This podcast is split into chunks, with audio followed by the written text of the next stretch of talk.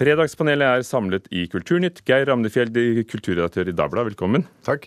Knut Olav Åmås, direktør i stiftelsen Fritt Ord. God morgen. Nina Kristiansen, redaktør i forskning.no. Hallo. Jeg gjør det sånn, for da, da, kan vi kjenne igjen stemmene deres.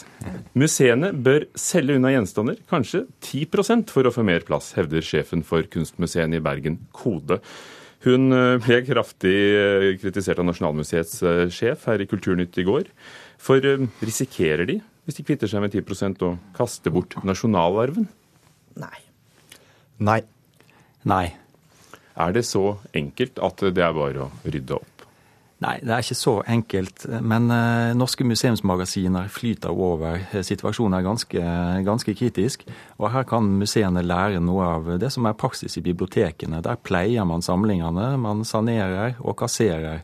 Og det, det må flest mulig museer også gjøre for å skape rom til nytt, og, og for å få mer midler til å konservere det man har. Og det er utrolig mye i norske museumsmagasiner som aldri blir vist eller sett av en levende sjel.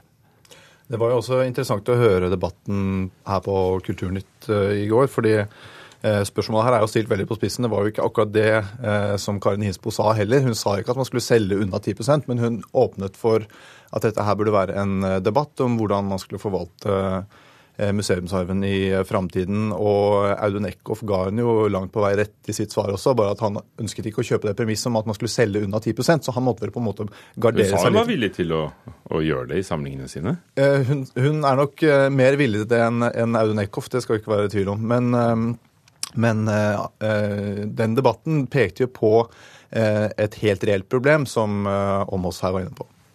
Jeg tenker at vi, vi stoler på museene i forhold til å ta, ta vare på historien vår. Ta vare på kulturarven. Vi stoler jo blindt på dem. Altså, De har jo all mulig slags tillit i befolkningen.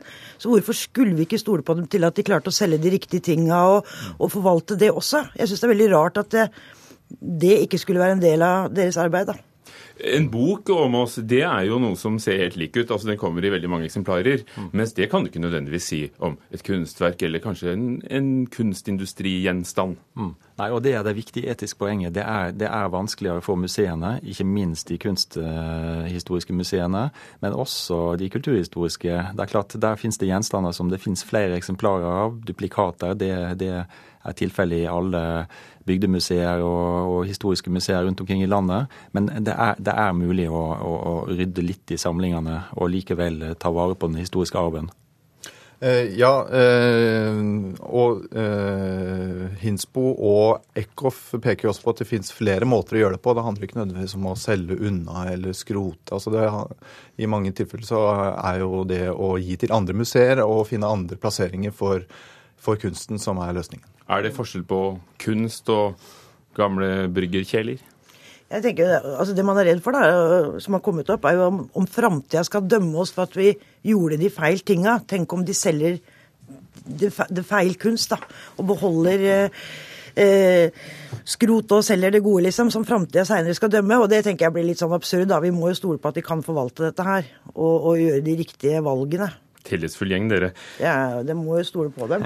Mellom 60 og 70% av norske bloggere bryter norsk lov. Det mener et av jurymedlemmene til Vixen Blog Awards, som eh, deles ut i, i dag, og som vi hørte om i Kulturnytt. De stjeler bilder, og de driver med skjult reklame. Forbrukerombudet må gripe inn og gi bøter. Bør Forbrukerombudet bøtelegge bloggere? Ja. Ja. Ja. Vi er jo virkelig enige, da.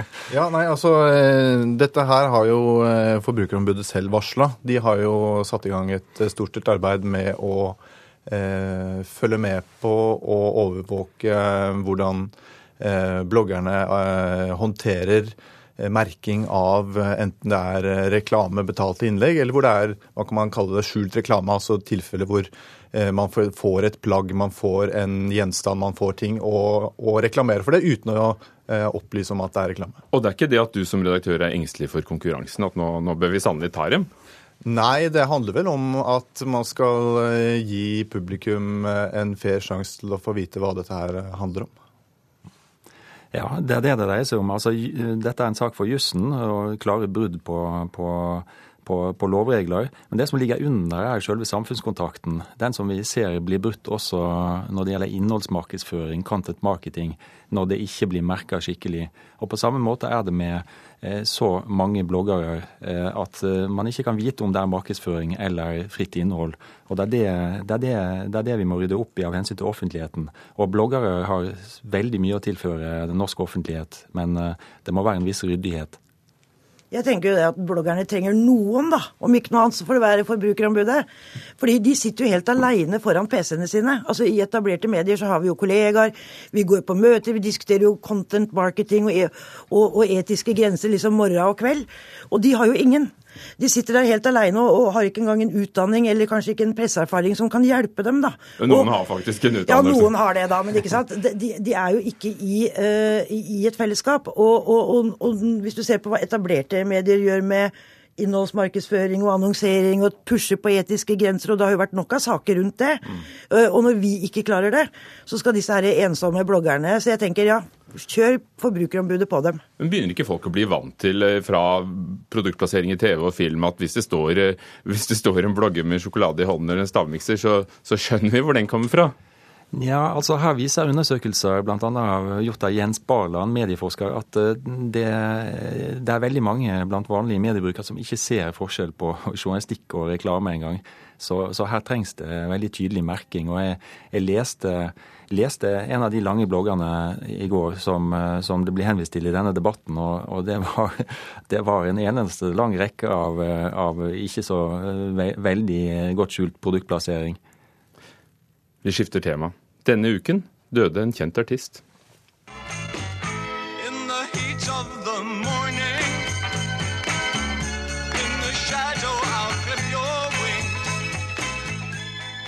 David Bowie i en tidlig utgave fra BBC før han i det hele tatt ble kjent. VG brukte 11 av sine 36 sider den dagen, dagen etter på David Bowie. Eh, også andre aviser, og her i NRK, på TV, radio og nett, ble dødsfallet grundig dekket. Var det for mye? Nei. Nei. Nei. Jeg drar litt på det. Altså, For meg personlig så er det nok litt i meste laget, men, men uh, redaktører redigerer som de vil. Eh, kanskje skyldes dette voldsomme emosjonelle også at det er stort sett, eh, eller iallfall i høy grad menn mellom 45 og 55 som, eh, som nå får ut sitt, sitt, indre.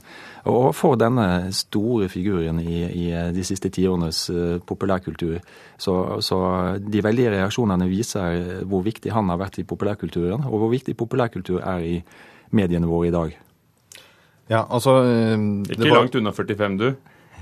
Litt igjen? Jo, litt. Jeg har ti år til. Eh, men uh, altså Bowies plass i pop- og rock-historien er jo helt udiskutabel. Han har en ekstremt sentral plass, og han har vært en representant for noe helt e-, eget, noe særegent. Han, han har utvidet på en måte rammene for hva som popkultur og rock kan være.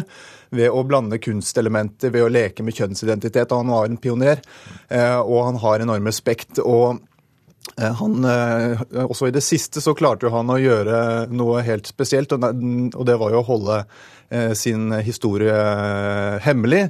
Så det at når dødsfallet hans kom, så kom jo det som en, som en stor nyhet, som en bombe på mange. Og det er jo også med på, var jo også med på å øke omfanget av omtale nå, for dette kom helt uventet på folk. Panegyrisk kritikk for platen, to dager senere dør han. Ja, nettopp. Og eh, jeg tenker jo at eh, for, eh, for, mediene sin del så er det jo selvsagt at han skal, han skal, få sin plass. Mm. Når det gjelder VG, da, så er jo det et historisk problem, egentlig. Altså papir... Og vi sier det, for, Jeg bare nevner det fordi en skribent i Klassekampen kritiserte det. Derfor ja, var det men, men, jeg tenker at det er jo litt sånn nesten pressehistorisk litt interessant, da. fordi dette her er jo altså, et papirproblem som ikke kommer til å vare. Altså at du bruker 11 av 36 sider, ikke sant.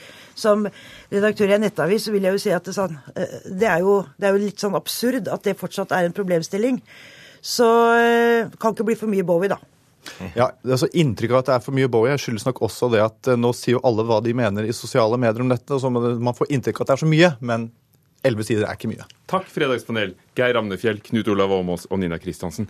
Det var Kulturnytt. I studio Ugo Fermariello. Produsent var Elisa Stokke. Du hører på Nyhetsmorgen. Klokken er straks halv ni.